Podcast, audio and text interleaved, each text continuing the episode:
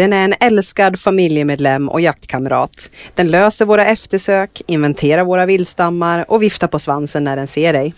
Jakten med hund är en av grunderna i svensk jaktutövning och ett kulturarv som är värt att bevara.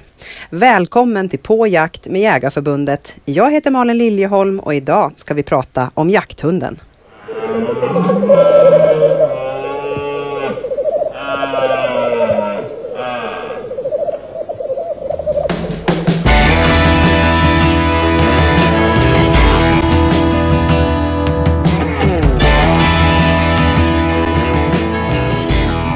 Ja, hej hörni kära lyssnare. Då var vi tillbaka med avsnitt fem med podden På jakt med Jägarförbundet. Idag ska vi prata om någonting väldigt, väldigt viktigt och det är jakthunden. Har vi inte jakthunden så har vi ingen jakt. Och jag har bjudit in två stycken eminenta, eh, både kollegor och bekanta här som är väldigt kunniga inom detta område. Det är Peter Ledin som är nationellt ansvarig för hund på Svenska Jägareförbundet och regionschef. Och sen har vi också Björn Ek som är sakkunnig i jakt och jakthundsfrågor på SKK. Varmt välkomna hit hörni. Peter, kan inte du berätta lite mer om vem du är och vad du gör och varför ditt eh, intresse för hund är så stort?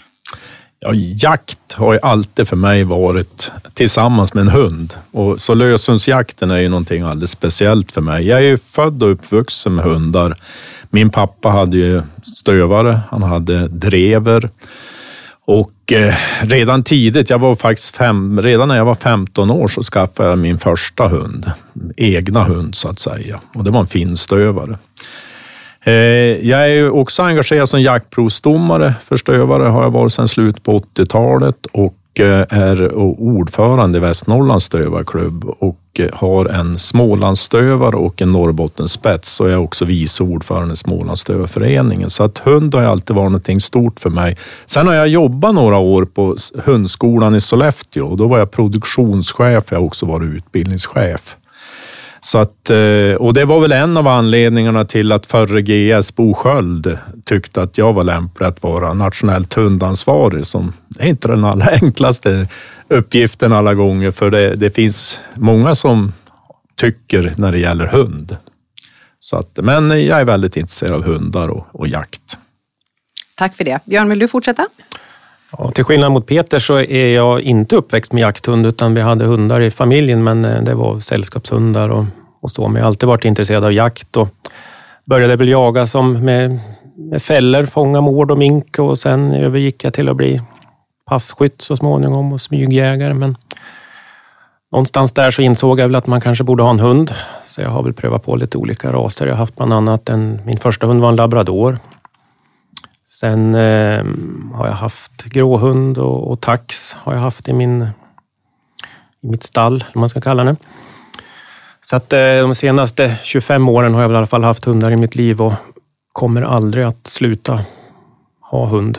Det är, det är livsstilen och det allting handlar om. Sen ehm, är jag också ja, vidareutbildat mig och håller på lite grann så att jag är både viltspårdomare och eh, domare för eh, älghundar. Så att jag håller på en del med jaktprov och lite sådana saker. Ja, men kanon. Det ska bli jättekul att snacka med er här en liten stund och, och reda ut allt vad, vad jakthundar innebär och kan innebära. Så att, eh, vi börjar väl med lite olika ämnen här så, så jobbar vi oss fram helt enkelt.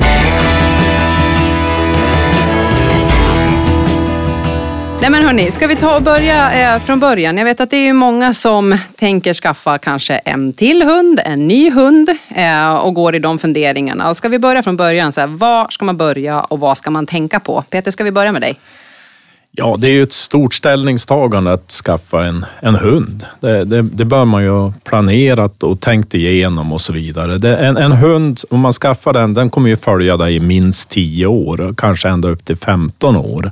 Och, så man bör nog planera. Jag ser ju gärna när jag skaffar en, en valp att jag är ledig ett tag då, när jag, att jag kanske tar semester i samband med det. Eh, så att jag är mycket tillsammans med valpen för att kunna prägla den på mig och att, och att den känner sig trygg och, eh, och så vidare.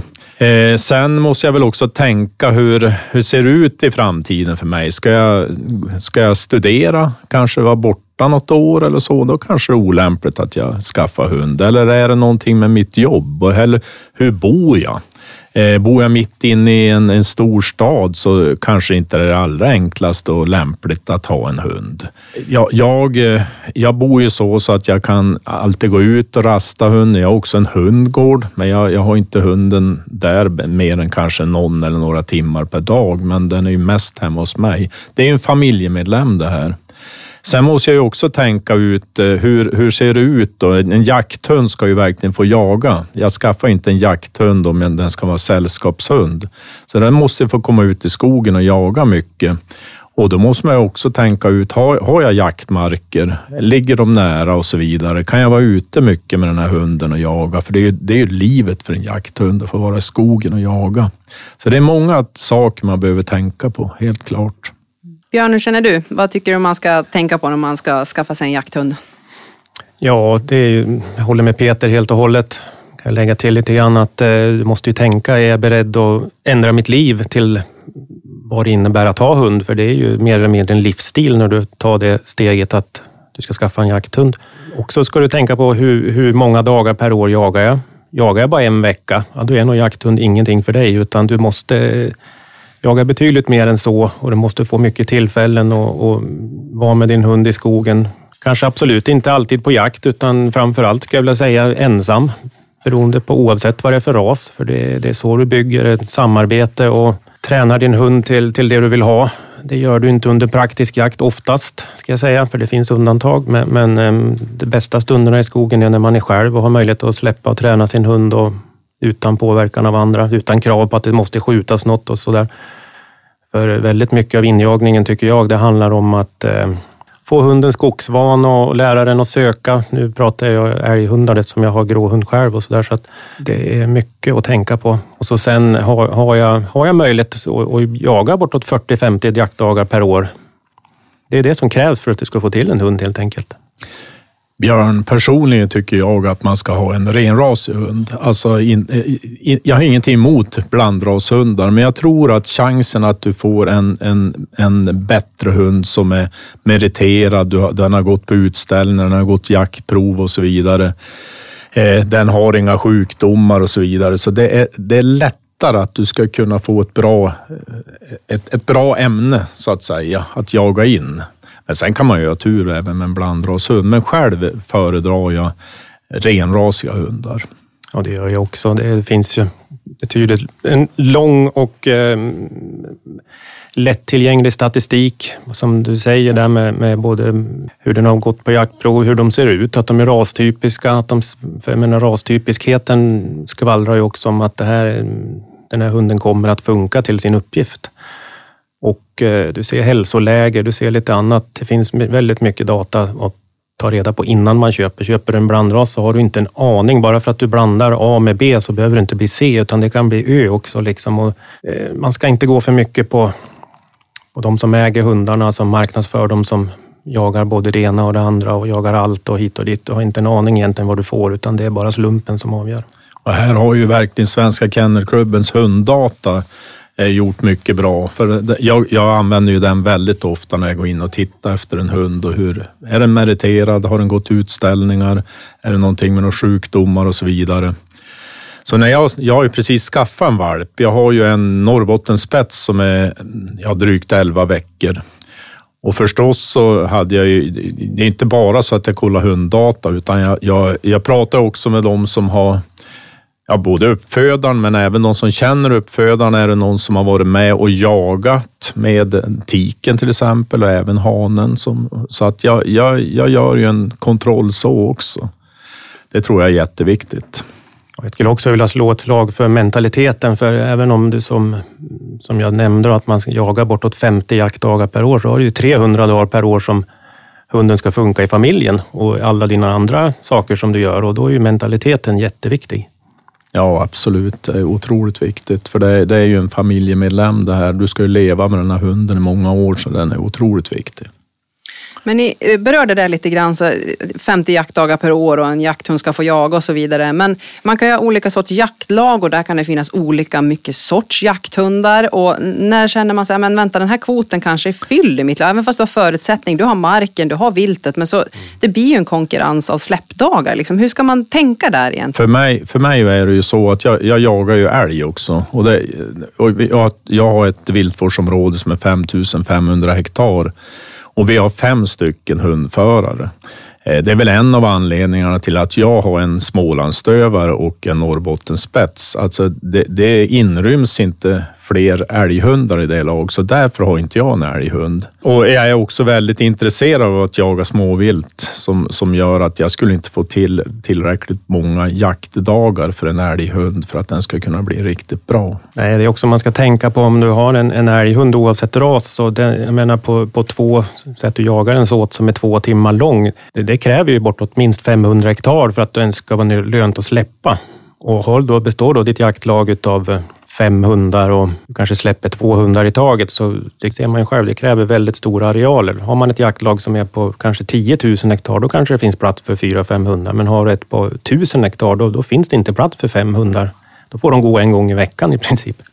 Men om vi utgår från viltet, om vi tänker lite mer i, söder om i Sverige där det finns väldigt många viltarter och kanske på marken som ligger runt tusen hektar. Liksom. Hur, hur, ska du tänka här? Ehm, ska man ha en palett av olika sorts specialiserade jakthundar eller kan en driva allt? Jag vurmar ju för specialister. Det, det gör jag ju av olika anledningar. Dels tycker jag att det är lite mer spännande jakt om man bara jagar ett vilt, trots att det kan dyka upp vad som helst. Men sen har du ju, du kan ju också få innebära att du får längre jakttid med din hund för att ha till exempel en vildsvinshund som jagar allting. Då, den får du inte släppa förrän den första oktober om du ska följa jaktlagen. Om du däremot har en specialiserad på vildsvin, att den bara jagar vildsvin, då får du helt plötsligt börja jaga redan första augusti. Så det finns väldiga fördelar med att ha specialister. Jag håller helt med där. Jag, jag, är också för att en specialiserad hund. Nu har jag en smålandsstövare och den låter jag jaga både räv och hare. Men, men det är det. Va? Den skulle ju vilja jaga allt från början. Va? Men det är ju jätteviktigt att göra den rådjursren väldigt fort. Att den inte följer klövvilt överhuvudtaget. För att jag ska kunna släppa den här hunden även i januari, februari så behöver den ju absolut vara rådjursren. Sen vill jag ju med min Norrbottenspets, jag är ju inte ute för att jaga allt med den, men de, det är också väldigt mycket jaktlust i dem, så att de vill nog, då skulle man kunna få jaga precis allt. Men jag vill jaga fågel. Och därför känns det viktigt för mig då i, i min injagning bland annat att jag får skjuta en fågel ganska snart när jag börjar. Och jag kan väl säga så också när det, när det gäller injagning överhuvudtaget så har inte jag så bråttom med den utan det, den, den, jag vill ju framför allt att hundarna ska få skogsvana från början. Och så att jag är egentligen bara ute med hunden och sitter på en stubbe och, och låter den få strosa omkring där och, och, och att den får igång ett, ett hyfsat sök. Så att först när hunden är ett år ungefär, det är då jag riktigt börjar jaga. Men sen kan det ju vara annorlunda. Så jag tror Björn som jagar med älghundar, han är lite försiktigare. Han kanske väntar ytterligare ett tag för att inte den ska få en spark av en älg eller liknande. Ja, precis. Jag håller med dig därför att jagar man mindre djur som typ hare och räv som inte är speciellt farliga för hunden, eller inte ett dugg, så, så kan man ju börja tidigare. Men ska man jaga älg, vildsvin, kanske björn med, med, med, sin hund. Så det är, det är farliga djur, det är stora djur. Börjar du för tidigt så kan eh, du få bakslag både mentalt och, och, fysiskt liksom på din hund. Så det finns absolut ingen självändamål att skynda på en injagningsprocess. Utan ska du jaga så måste du börja från grunden. Och, eh, jag kan bara säga hur jag själv gjorde med min. Jag har en, en gråhund som är två år nu och första året, första släppen jag gjorde med den jag uppsökte marker som jag visste var helt älgtomma. Släppte hunden, satte på pejlen. hände i princip ingenting, men det var precis det jag var ute efter. Hunden skulle själv ta, ta initiativ, söka ut, gå längre och längre ifrån och bli självständig, vilket den skulle kanske inte ha blivit om jag släppte på en mark där jag visste att det fanns älg. För det, jag, jag vill inte att den ska komma i kontakt med, med det vilt den ska jaga första gången i alla fall, utan den måste bli självständig först. Det kan gå olika fort och olika snabbt beroende på individ, men, men generellt sett så tar det tid. Sen har vi ju eftersöket som är en otroligt viktig del för oss jägare. Jag tänker, vi jagar ju med dem och ska ha trevliga jakter och dagar ute i skogen såklart. Men eh, när det kommer till kritan så är det ju tillgången på en eftersökshund som är otroligt värdefull. Hur, hur tänker ni där i början när ni, ska, ni har den här unghunden och ni vet att vi, jag vill kunna ha den här till eftersök på, på det jag jagar men även jaga med den. Hur lägger ni upp liksom, träningsfördelningen där mellan de två? Hur tidigt börjar ni och hur lägger ni upp det? Jag började eh, säga, viltspårsträning då rätt så tidigt med mina hundar. Eh, typ från om jag kanske ett halvår och, och uppåt. Och det, jag, jag, vill kunna, jag vill kunna att de ska funka även på eftersök. Eh, om det blir en sån situation. Nu det, håller jag mest på med jakt eftersök och inte så mycket, ingenting i trafiken egentligen, men det är samma sak. Men, men eh, Eh, om du ska göra eftersök på en älg som är påskjuten så, så gör du ju inget besvär med att du kommer dit med en tax eller någon annan mindre hund för att, eh, att spåra ikapp ett djur som är på benen. Det, det, gör du inte, utan du måste kunna avgöra om djuret är så skadat så att du måste släppa hunden. Och då krävs det samma hund som du jagar älgen med i normala fall så att säga, för att göra det. Och då krävs det en älghund till ett älgeftersök. Spåra upp ett dött djur, det kan du göra med vilken hund som helst, men är det på benen så, så krävs det oftast den, den hunden du, du jagade med från början. Jag har ju inga direkta eftersökshundar kan jag ju säga eftersom jag har en stövare och en Norrbottenspets. Så jag, jag, eh, jag vill ju absolut inte att min stövare ska gå på klövvilt och 75 procent av alla trafik, eh, trafikeftersök det är ju på rådjur. Det är som jag absolut inte vill att min hund ska, ska gå efter. Så att, eh, men jag kan väl säga så här att vi har en fantastisk organisation när det gäller hela eftersöksdelen. Och Svenska Jägarförbundet har ju länge haft det allmänna uppdraget tidigare just för att organisera eh, den här eh, eftersöksverksamheten vid Nationella viltolycksrådet. Och nu har, är det ju nytt, så nu är det ju upphandlat och Svenska Jägareförbundet fick ju den här upphandlingen. Så vi har ju den, den uppgiften att ha en organisation. Vi har en länsansvarig jägare i varje län och den har under sig också då kretssamordnare och så vidare och x antal olika eftersöksjägare som egentligen finns eh, att tillgå dygnet dygnet runt, årets alla dagar. Och det är helt fantastiskt. Alltså för det, det, det var, man kan säga att eftersök, det, det, det tar minst två, tre timmar alltså varje gång man går ut på ett eftersök. Det kan ju vara mycket längre. Så de gör ju ett fantastiskt jobb. Och det har väl blivit lite förändring i ersättningar här också som har blivit lite bättre. För just som du säger, en del eftersök kan ju försiggå hela nätter. Det tar lång tid och de har vanliga jobb som de ska upp till sen också. Så att det är väl ett enormt jobb de gör. Ja, absolut. Och det, det är ju det är polisen som är huvudman för den här verksamheten och vi har ju då sett till genom vår organisation att de kan nå en eftersöksjägare väldigt lätt och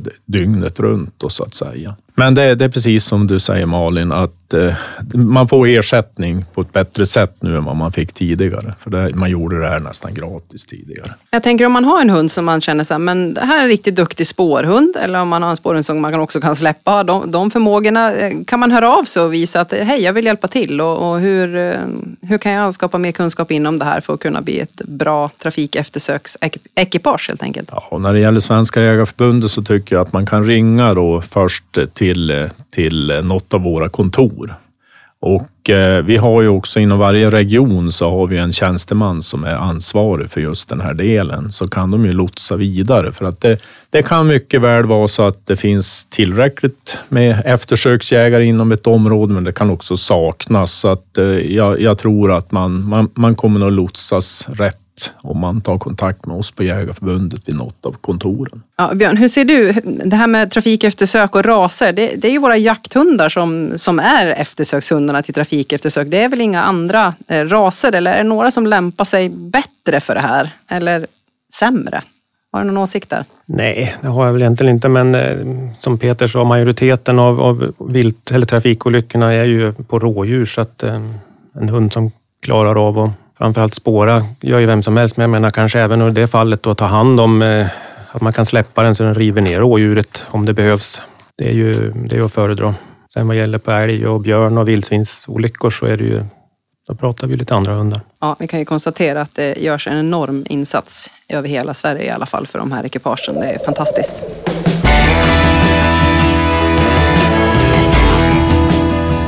Går vi in på nästa viktiga punkt och vi pratar kanske lite etik vid jakt med hund. Och ska vi börja och eh, prata lite grann vilken ras till vilken sorts jakt, Peter? Hur ska vi tänka här? Ja, alltså, jag, jag är väldigt för då renrasiga hundar som är specialiserade på, på ett speciellt viltslag. Och där är det ju viktigt, ska jag jaga vildsvin, då, då, då, då vill jag ha en hund som går på vildsvin, inte går på allt vilt. Och det är samma sak när jag är en stövare vill jag ju absolut inte ska jaga rådjur till exempel, utan jag vill ju jaga hare och räv. Och det, det, det, är för mig jätteviktigt. Och så det, det, man, man kan ju höra att det, ibland pratas det om att det har släppts mer än en hund och så vidare. Det, det ska det ju absolut inte göras. Men skulle man släppa två hundar, då släpper man ju i så fall två hundar som jagar olika vilt. Eh, och man släpper dem kanske inte alldeles bredvid varandra, men, men alltså en som jagar hare och en som jagar vildsvin eller vad man nu ska säga. Va? Så att eh, då, då funkar ju det. Va? De jagar ju inte tillsammans då. Vi har ju en eh,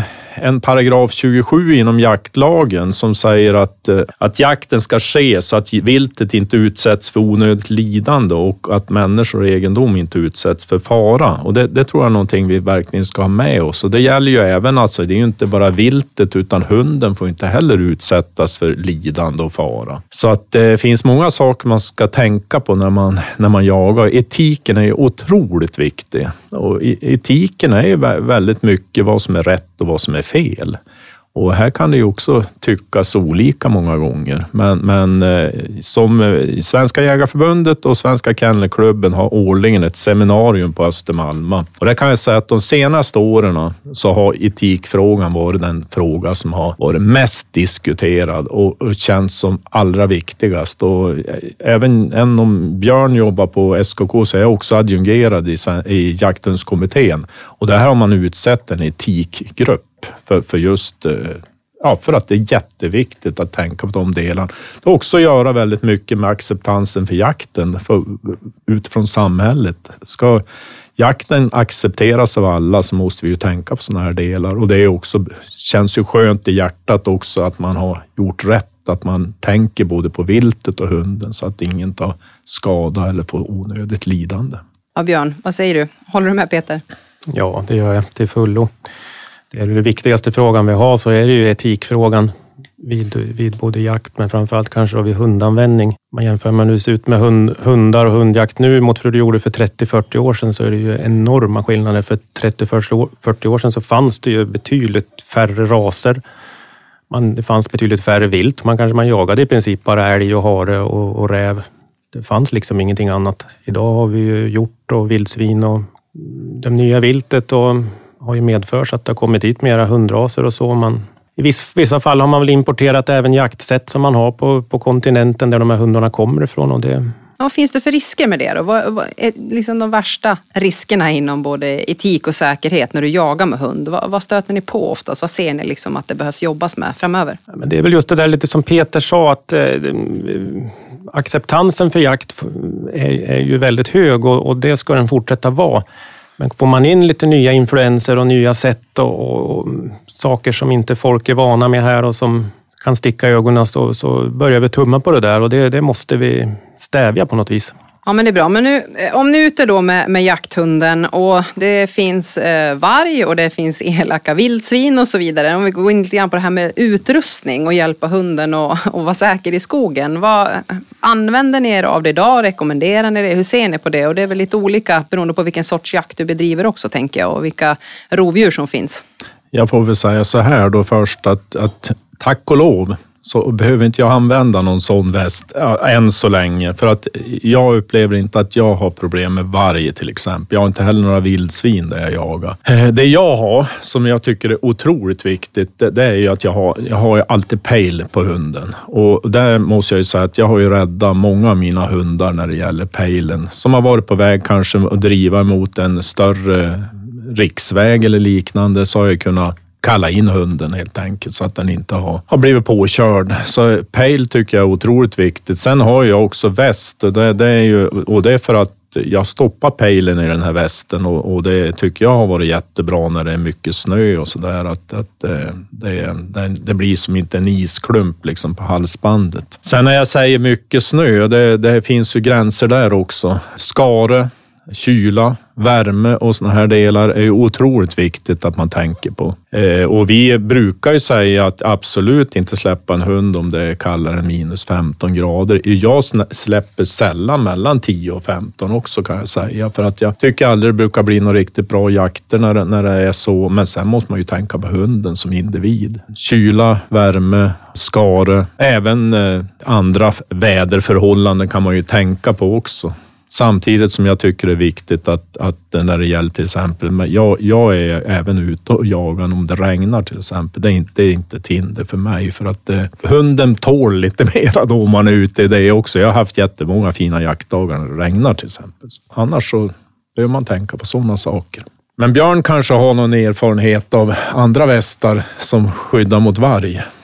Nej, jag, tyvärr har jag inte det. Jag har testat på någon gång och mina hundar har väl blivit som statyer när de har fått på sig någon väst. Men det är naturligtvis en tillvänjningsfråga. Men jag har också fram tills i, i år egentligen jagat på ställen där jag inte har behövt för att det har inte funnits någon varg. Nu kommer de närmare och närmare och i år så har vi dem på marken. Så jag kanske får tänka om. Samtidigt som det ger ett skydd så kan det också bli, bli ett hinder har jag märkt. Eh, de får betydligt svårare att röra sig och, och så. Som sagt, när det är riktigt varmt, man har hundar med mycket päls, så, så hänga på ytterligare ett eh, ett skydd liksom kan ju få andra effekter, men står man och väljer mellan liv och död så skulle jag i alla fall välja en, en form av skyddsväst för att inte ha någon om jag hade varg på min mark. Ja men så är det ju. Men ska vi gå in på det som egentligen är, är, grunden till att äga en jakthund och det är ju liksom glädjen att få jobba tillsammans med hunden och lyckas. Så, så är det ju för mig. Jag föder ju upp stående fågelhundar, ungersk visla och när man får till det samarbetet och kanske får fälla den här första tjädern eller vad det nu kan vara för någonting, då får man ju en tår i ögat och bara känner att det här är ju fantastiskt. Likväl så den hjälper mig om det blir något eftersök och, och den nosen får, får göra jobbet åt mig och man kan lyckas eh, tillsammans på det viset. Någonstans så för mig handlar om liksom glädjen att jobba tillsammans. Det är jakten för mig. Eh, men Peter, hur, hur tänker du där med dina hundar? När har du haft ditt liksom bästa ögonblick där? Har du något speciellt minne som du, du minns? Ja, alltså det, det här jakt med hund, det, det, det, det har så otroligt många minnen. Det är väl inget som jag riktigt så lyfter direkt. Då. Men, men jag tror nästan de bästa minnena för mig, det har nog varit när min son eh, fick skjuta sin första haren och sånt där. Alltså det, det är ju, och, och, det har varit väldigt bra drev och, och drevet kom närmare. Jag stod bakom ryggen på honom och så fick han skjuta. Eh, Sådana delar liksom har ju varit, ja, det, sånt glömmer man aldrig. Eh, sen, sen är det ju just alltså en, en mina hundar är ju mina bästa jaktkamrater. Det, det är ju, jag tillbringar ju otroligt många dagar med dem ute i skogen och, och det är jag jagar ju väldigt mycket ensam. Så att eh, det är jag och hunden som är, vi, vi, vi är bästa kompisar. Vi, vi är jaktkompisar och, och, och, eh, vi upplever saker och ting tillsammans. Sen är ju just det här samarbetet, eh, jag och hunden känns ju otroligt häftigt liksom när det lyckas också. Och sen är det ju ja, ett stövardrev, det kan man ju bara lyssna till ett tag. det, det är bara helt underbart. Sen, sen eh, nu, nu när jag har en Norrbottenspets här och ska jaga in den så visst, jag drömmer ju om den där när jag får till det riktigt nu då, så att jag, att jag får skjuta en tjäder för den och att den, den ställer, står och skäller under trädet och man kommer fram och, och lyckas få ner den och, och se glädjen för hunden och liksom att få tända hunden på ett vilt, liksom att prägla den på ett visst vilt vilt. Nej, men det är, det är fantastiskt att jaga med löshund. Det, det är, som jägare, det är absolut det bästa jag kan göra i alla fall. Håller du med Björn? Ja, det gör jag helt klart. Kollar man jaktmedia och filmer och sånt idag så är det många som mäter jaktlycka och bara i antalet nedlagda vilt. Men jag ska säga som hund, hundägare och jakthundsägare så finns det helt andra kvaliteter. Jag ska säga de mest minnesvärda jakterna för mig, det är när man kommer hem tomhänt. Men har lyckats med en inkallning till exempel och startar på jaktprov och hunden tar sitt tredje första pris så den blir jaktchampion. Det, det är sådana där stunder som man bara kan leva på väldigt länge.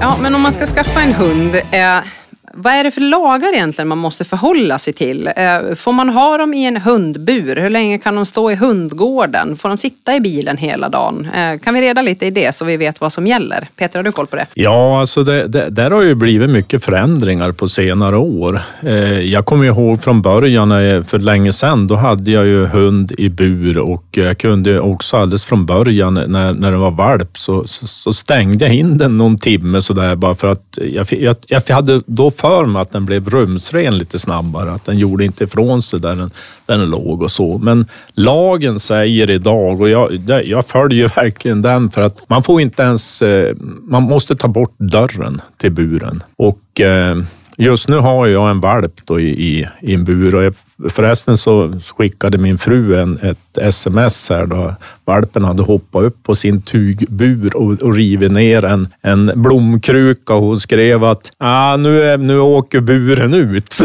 det är nog ingen bur när jag kommer hem där. Va? Eh, sen, sen har jag en hundgård och, då, går man in på Jordbruksverket så kan man se, det finns olika mått och då, då har de ju räknat ut det från mankhöjd på, på, på hundarna. Och min hundgård är 6 gånger 6 meter. Så att, och då har jag kollat riktigt och där, där kunde jag ha mina, mina två hundar. Nu har jag en Norrbottenspets, den kommer inte bli mer än kanske runt, jag vet inte, 40, 42 och, och Smålandsstövaren är 46 i mankhöjd. Så jag kan lätt ha de båda hundarna där, men där kan man gå in och titta på Jordbruksverket. Sen eh, i och med att jag är ute och reser väldigt mycket så har jag ju många gånger hundarna med mig. Jag bor i Sollefteå och när jag åker till Östermalma så tar det för mig sju timmar och eh, jag stannar alltid en gång under den färden och rastar hundarna också. Så att, eh, och det tycker jag är viktigt. Och jag, om inte jag kommer ihåg helt fel så tror jag faktiskt att jag tror du får köra egentligen i sex timmar. Utan, men jag, jag stannar en gång och går ut med hundarna när jag åker dit och när jag har den längden och så vidare. Så det är väl lite grann vad jag kommer på här. Hur tänker vi här kring då? Någon gång blir vår kära jakthund också en pensionär. Jag tänker de har väl också eh, gjort sig värda av ett härligt pensionärsliv. Men liksom när, när infinner sig den åldern och lite grann hur, hur ska man tänka där? Har ni några bra tips? Det här är ju inte det allra enklaste, men jag, min, min känsla och eh, det som jag tycker det är att hunden ska få vara med så länge som den liksom orkar och är, är frisk och så vidare. Så sen, sen, sen orkar en äldre hund mindre, men den kanske ja, klarar den av att få följa med ut i skogen en gång också i, i, i veckan och, och, och ha lite skönt och, och, så, så får den ju gärna göra det. Eh, men sen kan den ju få ha sitt pensionärsliv om den trivs att ligga i soffan hemma också och, och, och, bara må gott så tycker jag absolut att den ska få göra det. Jag har ju hundarna kvar så länge som de är friska och eh, det är ju som jag har sagt tidigare, det är ju, för mig är det en viktig familjemedlem, en som verkligen ingår i familjen och någon som jag tar ansvar för någon som jag verkligen tycker om. Ja, det är samma här. Jag tar aldrig bort en hund på grund av ålder, utan det, det beror lite på hur de, eh, hur de mår. Som sagt, av hälsa tar man, gör man ju naturligtvis det man ska och, och så, men är den för gammal och man anser att man har flera unghundar som man vill hålla igång istället. Men äh, man ska nog offra så ta den där gamla hunden någon gång då och då så att den får komma ut. Då. även om det inte gör någon stor verk, men att för måendets skull så tycker jag den är värd det. För den har gett dig så mycket genom alla år ändå så att det, det tycker jag man kan kosta på sig. Ja, jag tänker också på de här jakthundarna som har varit med, om vi pratar eftersök till exempel, har varit med väldigt, väldigt många år. Eh, jag känner ju själv att den äldre hunden jag har, eh, som kanske behöver ta det lite lugnare, som inte släpper lika mycket, får gärna gå på eftersöken. För den långa erfarenheten den hunden hunden har med den näsan är ju en otrolig trygghet. Och oftast blir inte det allt för jobbiga eftersök då utan det är ingen jag släpper men som man spårar med. Och då får den ändå ut och jobba med det den är, är gjord för. Och den, den erfarenheten den hunden har märker man ju är oslagbar, även om man ska ta in de unga hundarna också såklart. Men det kanske kan vara en bra idé. Ja, det är mycket låter klokt. klokt. Eh, men om man vill eh, få lite stöd och hjälp i början då. Jag har ju skaffat min jakthund nu. Det kanske är min första jakthund eller en ny ras eller vad det nu kan vara för någonting. Va? Ska jag gå kurser eller ska jag bara ut och släppa i skogen eller liksom hur? Vad ska jag börja någonstans där för att ta, insuga ny kunskap?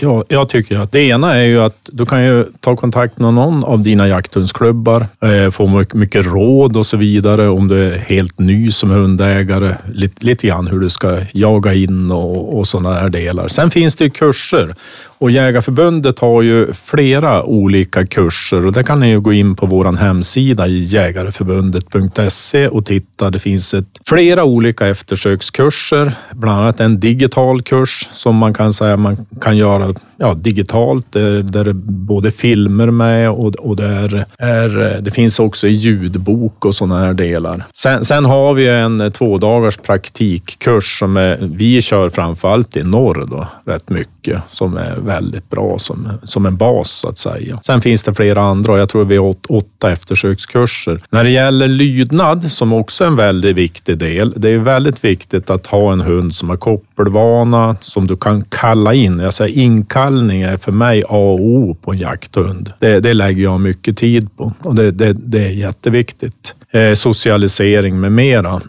Och eh, där har vi lite olika delar. I södra Sverige, mellersta Sverige är det ganska många som, som, som där har Jägarförbundet instruktörer på de fyra lätta stegen som är en väldigt bra filosofi och, och en, en bra kurs. I norr så har vi kört lite andra delar, men vi har ju sagt så här att framför allt är ju grundlydnad som vi liksom ställer oss bakom att det är viktigt på en jakthund. Ha en grundlydnad. Framför allt, än en gång vill jag poängtera att kalla in hunden är otroligt viktigt att kunna skulle vilja slå ett slag just för socialiseringen också, för det tycker jag man ser hos en hel del jakthundar när man är ute på hundutställningar och jaktprov och lite annat. Att, att eh, även fast du bara ska jaga med din hund tänker du bara ha den i skogen. Men du, du som sagt, de här 300 dagarna per år som du inte jagar så måste den funka i samhället. Den måste funka om du måste åka bort. Att jag kan lämna bort den till främmande människor. Den ska inte få panik. Ska absolut inte vara aggressiv eller så, utan ta tillfället i akt. Åk, gör mycket saker med din hund. Åk eh,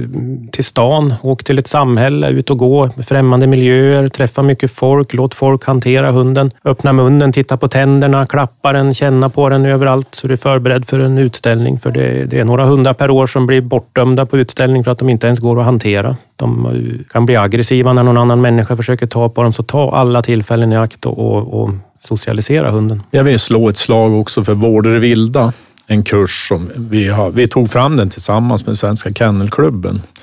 Och eh, jag har precis genomgått den kursen eh, för några veckor sedan och det är en endagskurs. Man kan säga att det är hjärt och lungräddning som man får lära sig både på människa och på hund. Och just det här omhändertagandet av hunden om det händer någonting ute i skogen. Det är ju otroligt viktigt att kunna. Och för ett jaktlag så tror jag att det skulle vara fantastiskt bra om alla jaktlag hade åtminstone några som hade gått den här kursen. För det, det skulle också rädda många människor tror jag. Så att det, det är en fantastisk fantastiskt bra kurs med väldigt duktiga instruktörer som vi har. Ja, men det är ett jättebra tips. Ehm, och att ha en jakthund kan ju tyvärr ibland innebära att det blir några vändor till veterinären också. Det finns ju ganska många medicinska delar man ska tänka på, hur man ska anpassa hunden efter jakten och så vidare. Så jag ska faktiskt passa på att ringa upp eh, en veterinär, Åsa Wilson, här om en liten stund. Så ni får hänga kvar och lyssna på de frågorna, för där ska vi reda ut lite saker som vi kan tänka på när vi har vår jakthund som gör att vi blir bättre matte och husse helt enkelt. Mm. Sen tänker jag att det är viktigt det här med kanske mentorskap också. Alltså att du skaffat, det finns sociala medier idag om man inte känner någon rakt av. Prata med jaktlaget. Känner du någon som kanske har den rasen man tar sig an eller ska, ska gå ut och jaga med? Och att det här att följa med någon som är van och är riktigt duktig. Man behöver inte ha den egna hunden med sig utan bara få följa med och se hur de jobbar och få tips och tricks. Det, det skulle jag också varmt rekommendera. Och sen som sagt, hundar är, är individer. Bara för, för att du har sett en, en, hund, en individ av en ras och fastnat för den, så åk på en åk på en hundutställning eller någonting och titta där det ofta samlas många individer av samma ras och titta och, och ställde sen frågan sen på kvällen, är det här något, verkligen det jag vill ha? För att alla hundar är olika. Ja men så är det. Hörni, tusen tack för att ni kom och gästade på Jakt med Jägarförbundet idag. Det har varit jättehärligt att prata med er. Mycket härligt har det varit och det blir intressant nu med Åsa.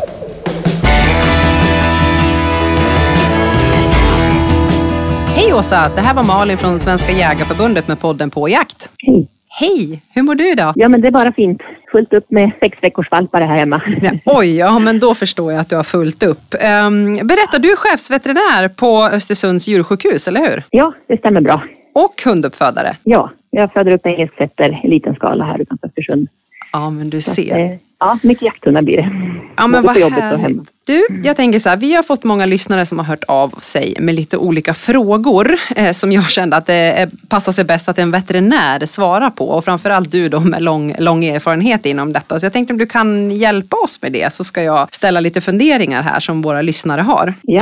Vad bra, men ska vi börja med så här, hur får jag jakthunden i rätt kondition för att klara jaktens olika påfrestningar? Hur ska man tänka där? Eh, Det är så att våra jakthundar det är ju hundarnas eh, motsvarighet till elitidrottare kan man säga. Så det innebär att det är ju väldigt viktigt att planera eh, för konditionsträningen och uppbyggnaden inför jaktsäsongen för att få ut så mycket som möjligt av, av jaktupplevelsen. Det är ju inte roligt att jaga med en hund som inte har som inte är tränad för det helt enkelt. Och där ska man tänka precis som på idrottare att man delar upp året i perioder där man har en uppbyggnadsfas inför jakten och sen själva jaktsäsongen då som är elitidrottarens tävlingssäsong kan man säga. Och sen den lika viktiga återhämtningsfasen då efter jaktsäsongen som även den är viktig. Det är lätt att man bara fokuserar på den här fysiska träningen och glömmer bort just återhämtningen som är väldigt viktig. Kan du ge något tips på de- just eh, återhämtning som du nämner där? Vad, vad skulle det kunna vara för någonting? Det som är viktigt under återhämtningen är att hunden ska ju liksom inte ligga still i hundgården i, i några månader. Det är inte den typen av återhämtning vi pratar om utan de ska ju fortfarande få röra sig såklart. Så att det kan vara koppelpromenader, jag menar under våren när det är koppel koppeltvång ute, ja men passa på att gå ut och gå med hunden i koppel. Eh, lugna promenader helt enkelt. Det är ett bra sätt för hunden och, och kroppen att varva ner eh, efter en lång jaktsäsong. Vi har haft en del frågor om eh, just när det kommer till värme och kyla, skare, snödjup, ösregn. Liksom. Finns det någon egentligen gräns som man bör tänka på? Ah, idag kanske inte ska ut med, med hunden i skogen. Har de någon sorts gräns där du känner liksom att här behöver man, borde man inte pressa hunden? Framförallt så ska man tänka på att jakthundar har ju oftast väldigt mycket jaktlust eh, och de kopplar ju liksom bort allting annat eh, när de är i jakt. Eh, så att man ska liksom inte lita på att hunden säger ifrån när den tycker att det är fel förhållande för att jaga. För enligt en hund är det alltid rätt jaktförhållande så att säga. Utan där får vi träda in och tänka lite åt hunden. Ehm, det är svårt att säga någon exakt eh, temperaturgräns och sådär. Det beror ju på mycket vad det är för typ av hund, hur mycket päls de har och så vidare. Ehm, men man ska ju undvika jakt i varma sommardagar, alltså när det börjar på vapnet uppåt 20 grader. Då, då får man ju överväga om, om det verkligen är någon idé att släppa hunden. Och sen också anpassa jakten efter eh, väderförhållanden. Så är det lite varmare någon dag, ja men då kanske man får jaga väldigt tidigt på morgonen och avbryta tidigare helt enkelt. Och så kanske gå ut en sväng på kvällen om det är den typen av jakt man har. Ja, jag tänker så här, finns det någonting jag kan se på hunden? Det här? Om man jagar väldigt tidigt på morgonen som du säger, men det blir snabbt varmt och, och hunden drar iväg och du kanske inte har möjlighet att koppla hunden förrän efter ett par timmar och det har varit riktigt varmt till exempel. Finns det något, eller om den är för kall eller för blöt, finns det liksom någonting jag kan läsa av hunden på? Precis, Nej, men om man märker att prestationsförmågan går ner på hunden, alltså att den går ner i tempo, den tappar fokus, Eh, blir mer okoncentrerad, den kanske blir mer olydig till exempel, då, då kan det vara tecken på att, eh, att den helt enkelt är för påverkad av väderförhållandena. Eh, Jag har haft en hel del diskussioner och eh, funderat över det här med skott med hund. Vi jagar ju på olika sätt och olika nära hunden där skotten kan ibland bränna av väldigt nära eh, hunden. Och finns det någonting här som, som tyder på att det kan vara farligt för hundens hörsel, att den blir överkänslig eller kan ta skada över det här över tid? Vet du om det finns någonting sånt? Eh, Det är ju inte ett område som är särskilt studerat men eftersom hundens öra är utformat eh, så, precis som människans öron då, så kan man ju anta att eh, även hundars hörsel blir påverkad av skott. Och då är som du säger, det är ju vissa typer av jakthundar som är mer eh, utsatta, till exempel fågelhundar, apporterande och stående hundar, de är närmare skottet när det smäller. Då. Så att där, där kan man anta att det absolut blir en påverkan på hörseln. Eh, sen har vi fått en hel del frågor om, om foder här. Det är ju som du säger elitidrottare vi handlar om och vi vet ju hur de, hur de äter och hur noga de är med kosten. Och jag tänker så här, ett, ett jakthundsår, bör man variera kosten, alltså både uppladdning under jakt och liksom efter jakt under eh, fodersynpunkt tänker jag? Det gör vi lite olika. Det finns ju de som kör med högenergifoder hela året och bara ökar mängden under jaktsäsongen och det är helt okej. Okay. sen finns det de som väljer att gå ner till ett, ett, ett vanligt vuxenfoder helt enkelt under lågsäsong som inte är lika energirikt. Det man ska tänka på det är att man i god tid, då, minst ett par månader före jaktsäsongen, går över till det här eh, energirika fodret. Och det är för att kroppen måste ställa om sig till den här fettförbränningen. Då. För det är så att jakthundar går ju mycket på fettförbränning fettförbränning när det är långa, långa jaktdagar. Och det måste kroppen få vänja sig vid helt enkelt i god tid. Så man kan liksom inte bara byta veckan innan. Utan ska man ha ut så, så mycket som möjligt av fodret och så är det viktigt att, att byta i god tid. Så att eh, jag, jag själv kör med högenergifoder året runt på mina hundar och så bara justerar eh, mängden. Och som sagt det finns inget rätt eller fel där om man byter under året eller om man kör samma. Eh, jag tänker, både du och jag håller ju på med stående fågelhundar och det kan ju bli rätt intensiva dagar på fjället med mycket spring. Och det, det är många som använder kanske samma foder men använder ett energitillskott under dagen av olika former. Det är torkad vom och det är små patéer och allting. Liksom, hur, är, det, är det någonting bra eller blir det dåligt för hundens mage? Alltså det tycker jag absolut att man ska tänka på som under lunchpausen att man har med sig ett litet energirikt mål till hunden. Då är det viktigt att det är som du säger någon liten, ja, men till exempel paté finns det, olika energipastor och så vidare vidare som är väldigt energitäta men det är liksom i stora mängder så att det är inte bra för hunden att, att äta en, en stor mängd mat mitt i jakten och ska springa runt med en fylld eh, magsäck. Eh, utan ett litet energirikt mål eh, mitt på dagen för att fylla på energidepåerna. Och sen ska man också tänka på eh, att eh, när jakten är slut för dagen, att man ganska direkt efter att man avslutat jakten ger hunden någonting energirikt. För då fyller man på energidepåerna inför nästa dag så man ökar återhämtningen. Eh, och det är bäst möjlighet att göra det eh, precis efter aktivitet så att man inte väntar några timmar och sen ger den här energin utan direkt efter aktivitet. Då. Och sen när man kommer hem då kan man ju då på kvällen ge hundens huvudmål så att säga då. och sen på, på morgonen att man ger frukost eh, som är lite mindre än, än kvällsmålet. Just det. Ska vi ta vätska här med en, med en gång? Det är ju super, super viktigt och, och, ibland kan det ju gå åt, alltså det blir väldigt varmt, hunden springer länge. Hur viktigt och hur ofta bör du vätska din hund? Det är, det är såklart livsviktigt och en hund som är uttorkad den kan inte prestera lika bra så att eh, det är bra att kunna erbjuda vatten eh, under dagen och till exempel är man till fjälls så har man ju också möjlighet att vattna hunden i fjällbäckar och så vidare. Jag har sett att det finns som liksom vätskeersättningar man kan köpa också för hund att ha i vattnet. Det, ja. Kan det vara någon bra idé? Absolut, och allra helst också som, som vi pratade om tidigare, det här när det är lite varmare, men i början på jaktsäsongen Eh, då är det extra viktigt tycker jag eh, att ha med vätskeersättning. Mm. För det återställer också hundens saltbalans. Det är inte bara vätskan utan det är just eh, salterna som eh, återställs med hjälp av vätskeersättningen. Plus att den smakar ofta lite gott också så det är ett bra sätt att få alltså stimulera, stimulera hunden ja, till att dricka. De är inte alltid så dricksugna när de är jakttokiga heller så det kan ju vara ett knep att Nej. få i dem lite mer.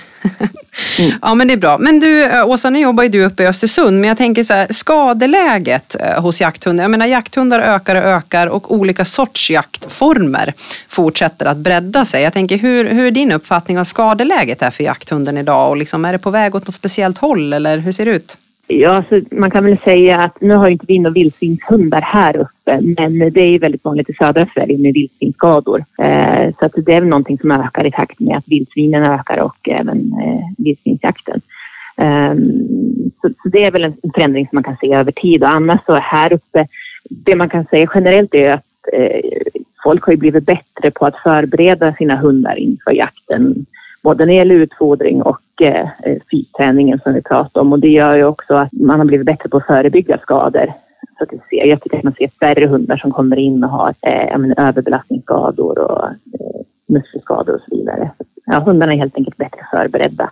Sen det allra vanligaste skulle jag säga det är ju traumatiska skador, alltså att de har eh, stakat sig på pinnar eller skärsår och så vidare. Ehm, och det är någonting som jag skulle säga har varit ganska konstant. Det kan jag inte säga har blivit mer eller mindre vanligt. Eh, men ser du några speciella sjukdomar också som, som ökar över tid? Har liksom, jakthunden ses ju som generellt väldigt frisk tänker jag. Men eh, är det någonting som du ser sticker ut lite mer eller kanske träffar på lite oftare? Nej, alltså jakthundar är ju som sagt var generellt en frisk, eller det är friska hundar.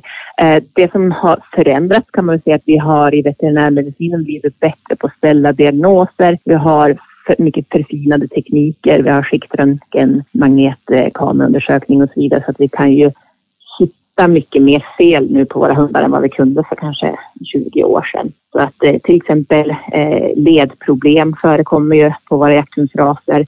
Tidigare kanske vi inte fångade upp det på samma sätt så att när haltande unghunden, ja, men då skyllde man på det växtverk och så brydde man sig inte om det och så sen vart hunden bra och så när den började komma upp i 5-6 års åldern då då ser man att den blir halt och stel efter jakt, att den har artros, alltså pålagringar i sina leder. Eh, idag är vi väldigt snabba på att fånga upp den här typen av skador på unghundarna så har vi möjlighet att operera dem eh, så att vi inte hamnar i det läget att de får artros i samma utsträckning. Så det är väl någonting som jag kan tänka mig har förändrats över tid. Då. Att vi, vi fångar upp skadorna. Och det betyder inte att det har blivit vanligare idag utan vi är bättre på att hitta dem i god tid och åtgärda. Just det. Ja, men du, du förde ju själv upp fågelhundar och det är lite försäsong här nu innan 25 augusti. Hur, hur laddar du nu över sommaren med dina vovvar? Ja, nu kan man väl säga att vi har haft lite återhämtning här under våren, eh, jag och hundarna, så att det har tagit lite lugnt. Eh, och nu, nu kommer vi in i den här uppbyggnadsfasen helt enkelt inför jakten. Så nu kommer vi sätta igång, med, nu börjar vattnet här i Torshamn på att bli lite varmare så att vi kommer sätta igång med lite simträning, eh, cykelträning, mm, lite, ja, uppbyggande övningar helt enkelt. Ja, har du lite tips där? Jag tänker liksom många eh, tänker kanske man måste gå ut och gå långt, långt, långt med koppel. Men just det här för att göra hunden i, i god form så att den orkar göra den här mm. jakten mm. utan att eh, för den delen kunna släppa den lös. Liksom. Har du några exempel på vad man skulle kunna hitta på för att eh, förbättra konditionen på den? Ja, det man ska tänka på är ju framförallt att ha en mångsidig träning så att man inte bara, bara cyklar varje dag med hunden till exempel. Det blir samma typ av träning dag ut och dag in utan man försöker att variera så att man kanske cyklar två gånger i veckan och så kanske man simtränar hunden en till två gånger i veckan. Eh, sen är det bra att stärka upp eh, de här små musklerna kring, kring lederna, till exempel genom balansövningar och så vidare. Eh, så att en, en mångsidig träning helt enkelt. Och sen ska man också tänka på att har man en fågelhund eh, som man kanske kör, om man jagar på fjället, man har flera hundar som man släpper eh, en åt gången då så kanske man får jaga en kvart, 20 minuter och så kopplar man den och så tar man nästa så att det blir mycket den här intervalljakten eh, så att säga. Så att de går fullt ös i 20 minuter, sen får de gå i koppel 20 minuter när den andra hunden jagar. Då kan det vara bra att lägga upp träningen på det sättet att man kör mycket intervallträningar med den hunden. Medan då om man till exempel har en älg älghund som mer matar på jämnt tempo i flera timmar, ja men då får man tänka på det då, att man tränar också på det sättet att man vänjer hunden vid att ja, men man kanske kör längre cykelturer i långsamt tempo mm. med den typen av hund. Så man måste liksom anpassa träningen efter den jakthundstyp man har och den eh, typen av ansträngning som de utsätts för under jakten. Då. Ja, och jag tänker hur, ju bättre man är på det här, ju mer bra jakt och frisk jakthund får man ju som håller i många år framöver och får skapa minnen tillsammans tänker jag. Ja, och sen ska man ju också tänka på det att eh, oftast är ju hunden det bäst dem kanske en månad in på jaktsäsongen så att det är många som, ja men vi som har fågelhundar som planerar in en jaktresa 25 augusti och så åker man ut och jagar en vecka i sträck, tar helikopter ut och sen är det liksom full ös i en vecka och sen så blir det lite kortare jakter senare på hösten. Egentligen är ju det lite otaktiskt. Man borde egentligen ta det lite lugnt de första veckorna för att sen kanske ha några längre jaktdagar, ja. Eh, ja men en månad in på, på hösten. Då. Ja men du har helt rätt, det är bara väldigt svårt att hålla sig där 25 augusti ja, och inte gå ut när man har längtat så länge. Ja men det är jättefint. Tack Åsa för att du tog dig tid att svara på de här frågorna. Vi har säkert anledning att ringa tillbaka till dig flera gånger för det här är ett ämne som verkligen engagerar våra lyssnare och vill veta mer om. Tack så mycket. Och hoppas du får en jättehärlig jakthöst här och skitjakt på dig och vovvarna. Detsamma. Ha det fint!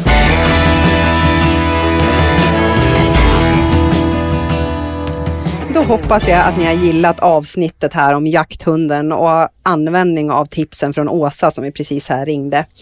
Har ni idéer själva på ämnen som vi ska ta upp så hör av er till oss genom Facebook eller Instagram. Och snart kommer vårt inslag Jägarkollen där du får snabb och rolig fakta, så missa inte det. Håll utkik efter nästa avsnitt så hörs vi snart igen. Ha det fint! Hej hej! Jägarkollen. Snabbfakta om dagens ämne avfyrad på 30 sekunder. Visste du att 2021 så fanns det över 113 000 registrerade jakthundar i Sverige som är fördelat på mer än 50 olika raser. Man har hittat arkeologiska fynd som visar att människor troligen har använt hunden till jakt redan för 500 000 år sedan och jakthundar är bevisat bra för hälsan. Hos hundägare har man kunnat se lägre kolesterolhalt, en sänkning av blodtryck och att den minskar stressen i tillvaron hos oss människor. Jakten med lös hund är numera klassad som ett kulturarv i Sverige.